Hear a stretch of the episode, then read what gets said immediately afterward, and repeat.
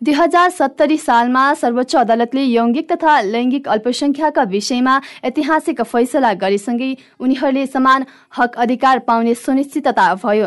तर उनीहरूको समाजमा समान रोजगार अधिकार शिक्षा स्वास्थ्य तथा सामाजिक सुरक्षाको ग्यारेन्टी गरिनुपर्ने मागहरू पूरा हुन सकिरहेको छैन। समाजमा हामी पनि छौँ भन्दै आफूहरूले विभिन्न अभियान चलाउँदै आए पनि तेस्रो लिङ्गी भएकै कारण अपमानित हुनु परेको एलजिबिटी समूहका अभियानकर्ता सिमरन शेरचनको गुनासो छ। समाजको व्यक्तिहरूले नबुझिँदाखेरि घर परिवारले नस्वीकार्दाखेरि यो समुदायको साथीहरूले चाहिँ घरबाट बहिष्कार हुनुपर्ने समाजबाट तिरस्कृत हुनुपर्ने थुप्रै चुनौतीहरू थियो अझै पनि छ। नेपालमा हाल तेस्रो लिङ्गी तथा समलिङ्गीको संख्या नौ लाखको हाराहारीमा छ।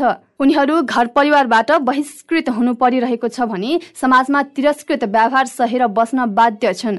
यस्तो अवस्थामा उनीहरूले ज्ञान र सिप हुँदा पनि चुनौतीपूर्ण काममा लाग्नु परेको छ।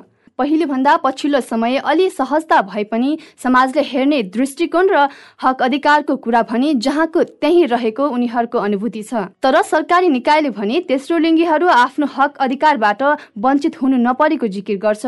कानुन न्याय तथा संसदीय मामिला मन्त्रालयका सूचना अधिकारी राजा राम दाहाल। कानुनको उहाँहरूले पाउने हक कुरा भएको छ। नपाएको बेलामा उपचार खोल्न जाने सक्ने अवस्था पनि हुँदै हुन्छ। कुनै विवादित विषयमा केही कानुन बन्न बाँकी भएको विषयमा केही हुन सक्छ। नर्मल्ली कानुन भइसकेको विषयमा कार्यान्वयनको क्रममा चाहिँ हामीलाई आएको रिपोर्ट अनुसार चाहिँ त्यस्तो भयो जस्तो मलाई त लाग्दैन हो। सोसाइटीले हामीले ड्याङ्गै कानुन ध्यान चाहिँ चेन्ज हुने कुरा हुँदैन। कतिपय अवस्थामा त हाम्रो जेनेरेसन केही चेन्ज पनि खोज्छ क्या। त्यसले त्यसले गर्दा पनि कार्यान्वयनमा नआएको जस्तो महसुस भएको होला उहाँहरूलाई। नेपालमा पछिल्लो समय तेस्रो लिङ्गीहरूको संख्या बढ्दै गएको छ। यसले के पनि बुझ्न सकिन्छ भने समाजमा उनीहरू प्रतिको दृष्टिकोण केही रूपमा भए पनि परिवर्तन हुँदै आएको छ। समाजमा विभिन्न प्रकारको मानिसहरू बसोबास गर्दछन् जहाँ अझै पनि तेस्रो लिङ्गी भन्दा नबुझ्ने मानिसहरू पनि छन्। त्यसै कारण यस अभियानमा संलग्न भएकाहरूले समाजमा आफूहरूको पहिचान बारे खुलेर बताउनु पर्ने बताउनुहुन्छ।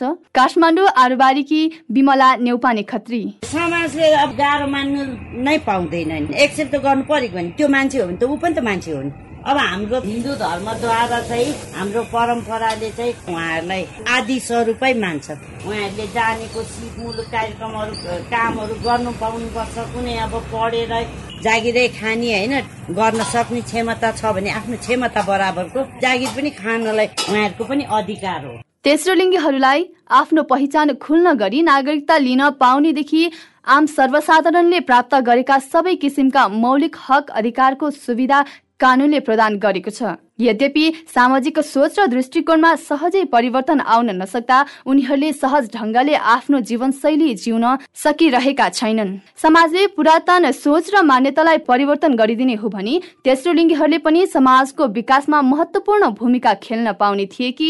रेडियो क्यान्डिडका लागि इमु शेर्पा